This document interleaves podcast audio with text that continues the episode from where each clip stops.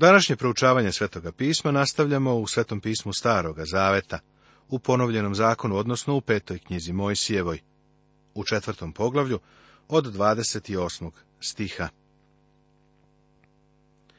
Ovaj narod je i dalje svedok današnjem svetu, svedok u njihovoj neposlušnosti. Jevreji su raštrkani po celom svetu. Zašto? Zato što su radili ono što im je Bog zabranio. Znam da će neko istaći kako su se oni vratili u svoju zemlju i kako su sada narod. Da, ali u nevolji su, zar ne? Kada ih Bog u tu zemlju dovede onako kako je predskazao, neće više imati nevolje kakve imaju danas. Izraelski narod je još uvek pod Božijom osudom, jer je Bogu okrenuo leđa. Sud će pasti na svaki narod koji odbacuje Boga. Ovo je za nas danas divna istina. Kad budeš u nevolji i sve te to snađe, ako se u posljednje vreme obratiš ka gospodu Bogu svojemu i poslušaš glas njegov. Ovde se prvi put spominje velika nevolja koja na kraju dolazi. U posljednje vreme je tehnički izraz u starom zavetu koji se odnosi na vreme velike nevolje. Bog postavlja uslov. Ako se obratiš gospodu Bogu svojemu i poslušaš glas njegov. Gospod je Bog tvoj, milostiv Bog. Neće te ostaviti ni istrebiti, jer neće zaboraviti zaveta sa ocima tvojim, za koji im se zakleo. Da li će i gospod razasuti svuda po svetu zato što je nasilan ili zato što je grub? Ne, poslušaj, Bog je milostiv. Neće te ostaviti ni istrebiti. Izrael nije istrebljen samo zato što je Bog milostiv. Ti i ja nismo istrebljeni iz tog istog razloga. Ako si spasen, to nije zato što si fini i sladak. To je zbog Božije milosti. On je milostiv nama, baš kao i Izraelu. Mojsije nastavlja i pokazuje im dokaze velike Božije milosti prema njima. Je li kad čuo koji narod glas Božiji, gde govori usred ognja, kao što si ti čuo i ostao živ? Ili, je li Bog pokušao da dođe te uzme sebi narod iz drugoga naroda kušanjem, znacima i čudesima, i ratom, i rukom krepkom i mišicom podignutom, i strahotama velikim, kao što je učinio sve to za vas, gospod Bog naš u misiru, na vaše oči. Sve ovo Bog je učinio pred očima njihovih očeva. Bog ne želi da oni to zaborave. Bog im je bio velikodušan, pa želi da se toga sećaju. I što mu mili bejahu oci tvoji, zato izabra seme njihovo nakon njih i izvedete sam velikom silom svojom iz misira.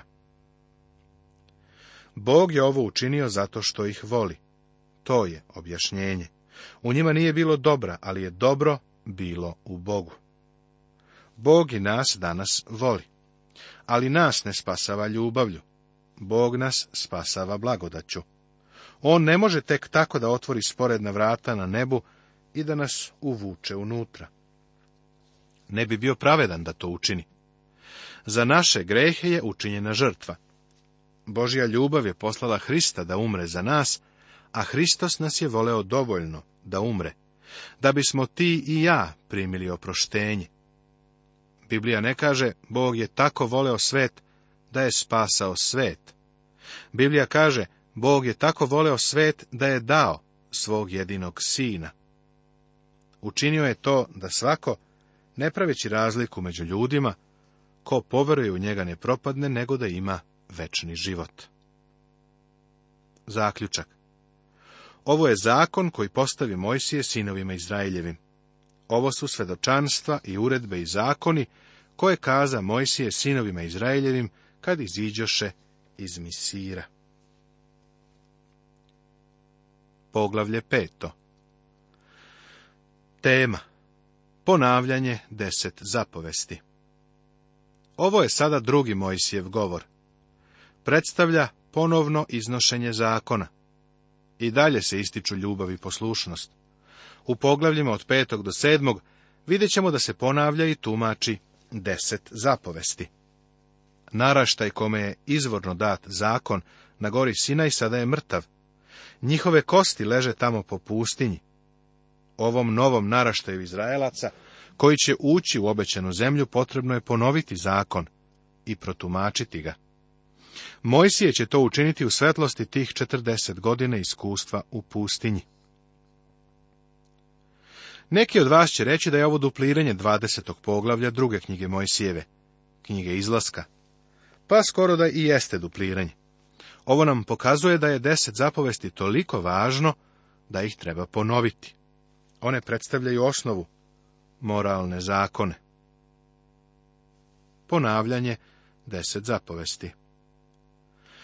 I Mojsije sazva sav narod Izraeljev i reče im, čuj Izraelju uredbe i zakone koje ću danas kazati da čujete, da ih naučite i držite ih i tvorite. Ovde nalazimo četiri značajna koraka, koja treba da preduzmemo u vezi sa Božijom rečju. Prvo je da tu reč slušamo, da je čujemo. Drugo je da je naučimo, da se upoznamo sa onim što Bog govori. Treće je da je držimo. To znači da reč Božja ostane u našem srcu. Seti se kako je David o ovome govorio. U srce svoje zatvorio sam reč tvoju da ti ne grešim, kaže psalam 119. 11. stih. A četvrto je da je tvorimo. Ne samo da reč Božija treba da bude tu, u tvojoj glavi i u srcu, nego treba da stigne i do tvojih nogu i ruku. Kao i ja i ti slušaš kako mnogi ljudi govore da žive na osnovu deset zapovesti i da je to njihova religija. Ako takve ljude propitaš, kao što sam ja više puta uradio, vidjet ćeš da oni u stvari žele da kažu da se slažu sa deset zapovesti. Čuli su za njih i smatraju ih dobrim, ali nikako ih ne drže i ne tvore. Zakon je sličan visku, koji pokazuje koliko je neki zid vertikalan. Zakon je ogledalo koje stoji naspram tvoga srca. Ono je kao far na kolima, koji ti pokazuje put u tami i otkriva krivine, koje su ispred tebe. Bog tako jasno pokazuje da on čoveka ne spasava kroz držanje moralnog koda. Nema ništa loše u moralnom kodu, u zakonu, ali nešto radikalno nije u redu sa nama. Apostol Pavle kaže u poslanici Galatima u drugom poglavlju, u 16. stihu, ali, znajući da se čovek ne opravdava delima zakona, nego samo verom u Hrista Isusa, poverova smo i mi u Hrista Isusa, da budemo opravdani verom u Hrista, a ne delima zakona, jer na osnovu dela zakona niko neće biti opravdan. Niko se ne opravdava zakonom. Zašto ne? Jer niko ne može da ispuni zakon, odnosno da učini dela zakona. Šta će onda zakon? On je određen posredstvom anđela, rukom jednog posrednika, pa je poradi prestupa dodat, dok ne dođe potomak kome je obećanje dano, kaže poslanica Galatima u trećem poglavlju 19. stih. Logično je pitati kakav je cilj zakona. Odgovor je da je zakon dodat zbog prestupa, dok ne dođe vreme da se pojavi potomak. To znači zakon je privremen, dok ne dođe potomak, a taj potomak je Hristos. Tako je zakon postao naš pedagog za Hrista — da mi budemo na osnovu vere opravdani. A pošto je vera došla, nismo više pod pedagogom, kaže poslanica Galatima u trećem poglavlju. Zakon služi kao pedagog, kao sluga koji nas uzima za ruku i odvodi do krsta, baš kao što učitelj ili pedagog vode dete u školu. Zakon nas dovodi do krsta i kaže nam, svrha zakona je da nam pokaže našu potrebu za spasiteljem. Prijatelju, zakon je dobar, nema sumnje. Zakon nam otkriva um Božiji. Zakon nam otkriva koliko smo ti i ja uskraćeni za slavu Božiju. Zakon nam otkriva da su svi zgrešili i izgubili slavu Božiju. Primeni taj zakon u svom životu i dopusti mu da te dovede do Hrista. Gospod Bog naš učini s nama zavet na Horivu. Nije s ocima našim učinio taj zavet, nego sa nama, koji smo danas tu svi živi. Bog im nije dao zakon dok su bili u Egiptu. Zakon nije dat sve dok nisu otišli u pustinju na goru Horiv, odnosno na goru Sinaj. Zakon je dat izraelskom narodu. Licem klicu, govorio vam je gospod na ovoj gori isred ognja, jer tada stajah između gospoda i vas, da vam javim reči gospodnje, jer vas beše strah od ognja i ne izidoste na goru, i reče, ja sam gospod Bog tvoj, koji sam te izveo iz zemlje Misirske, iz doma ropskoga. Vidiš, dok je živeo u Egiptu, Izrael je bio u zemlji idolopoklonstva i Izrael je živeo u dobu idolopoklonstva. Nemoj imati bogova drugih, do mene.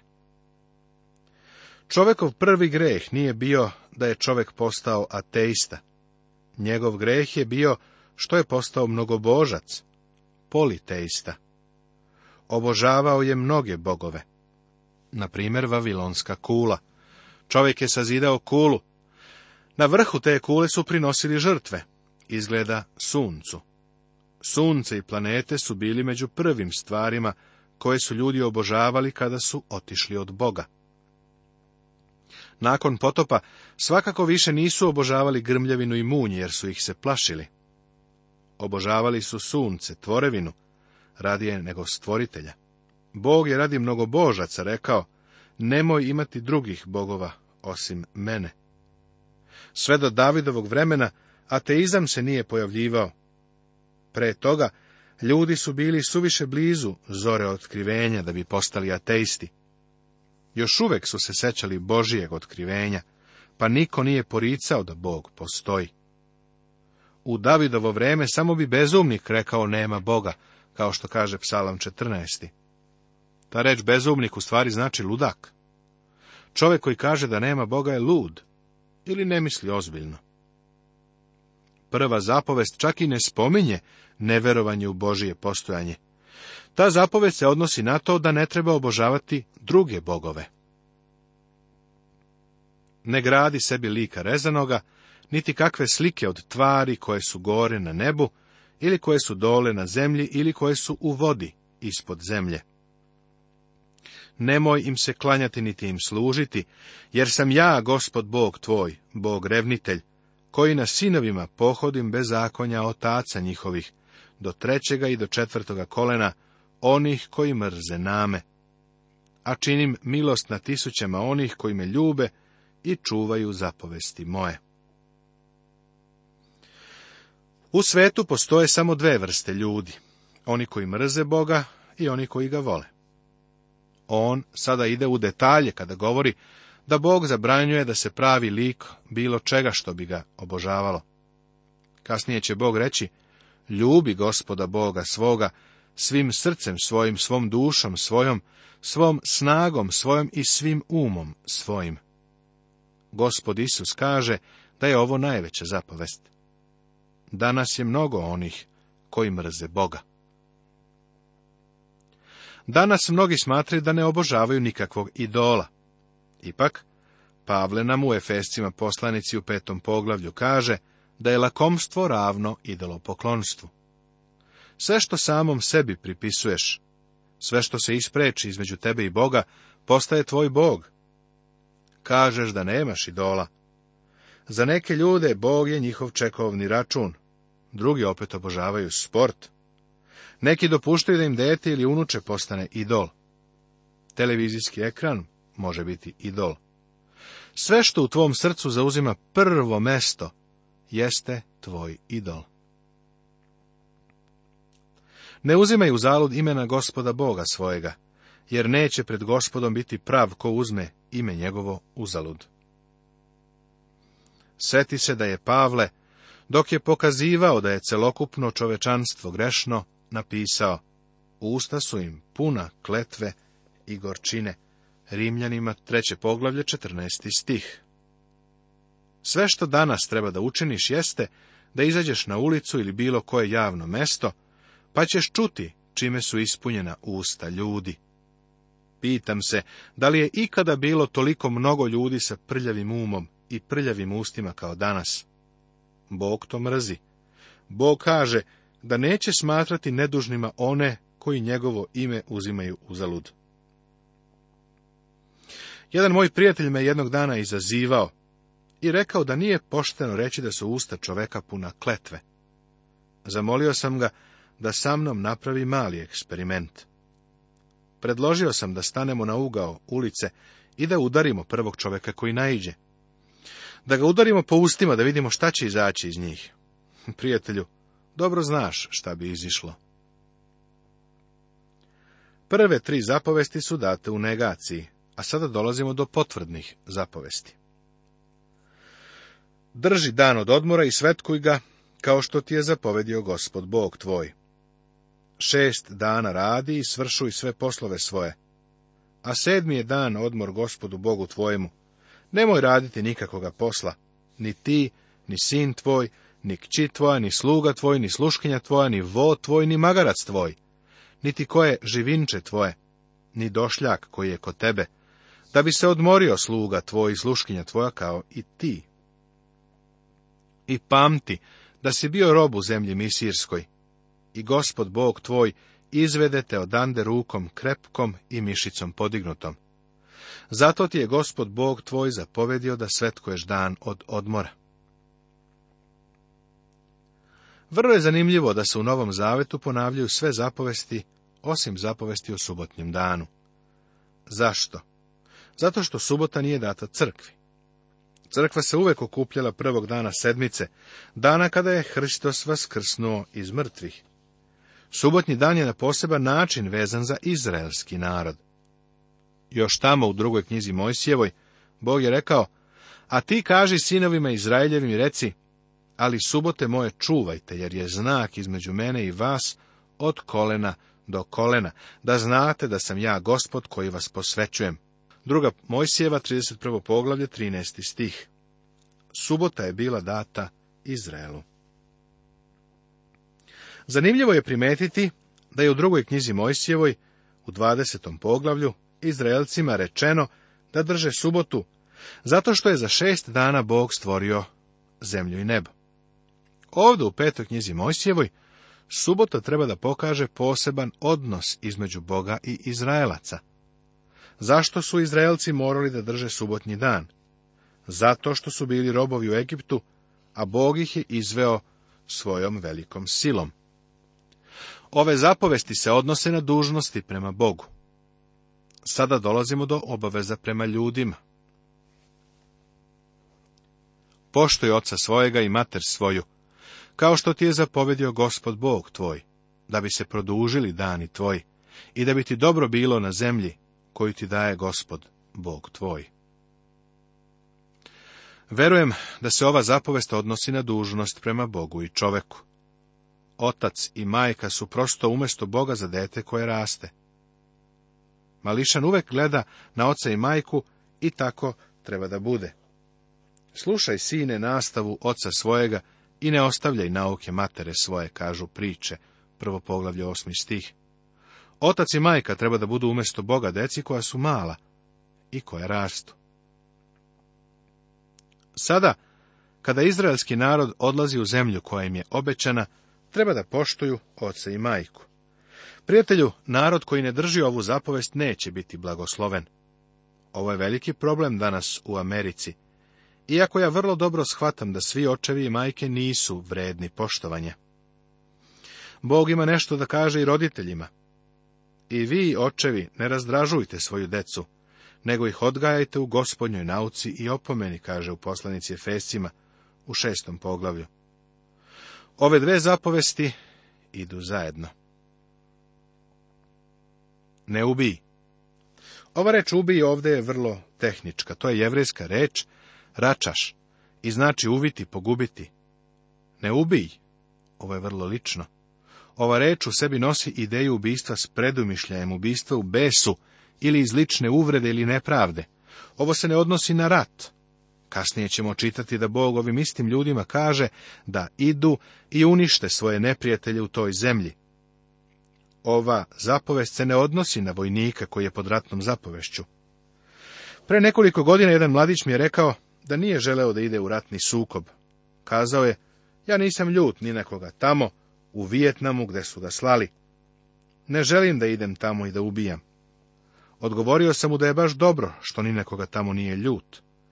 Jer da je to bio slučaj i da je takav otišao tamo sa namerom da pronađe i ubije tu osobu, bio bi onda kriv za ubistvo.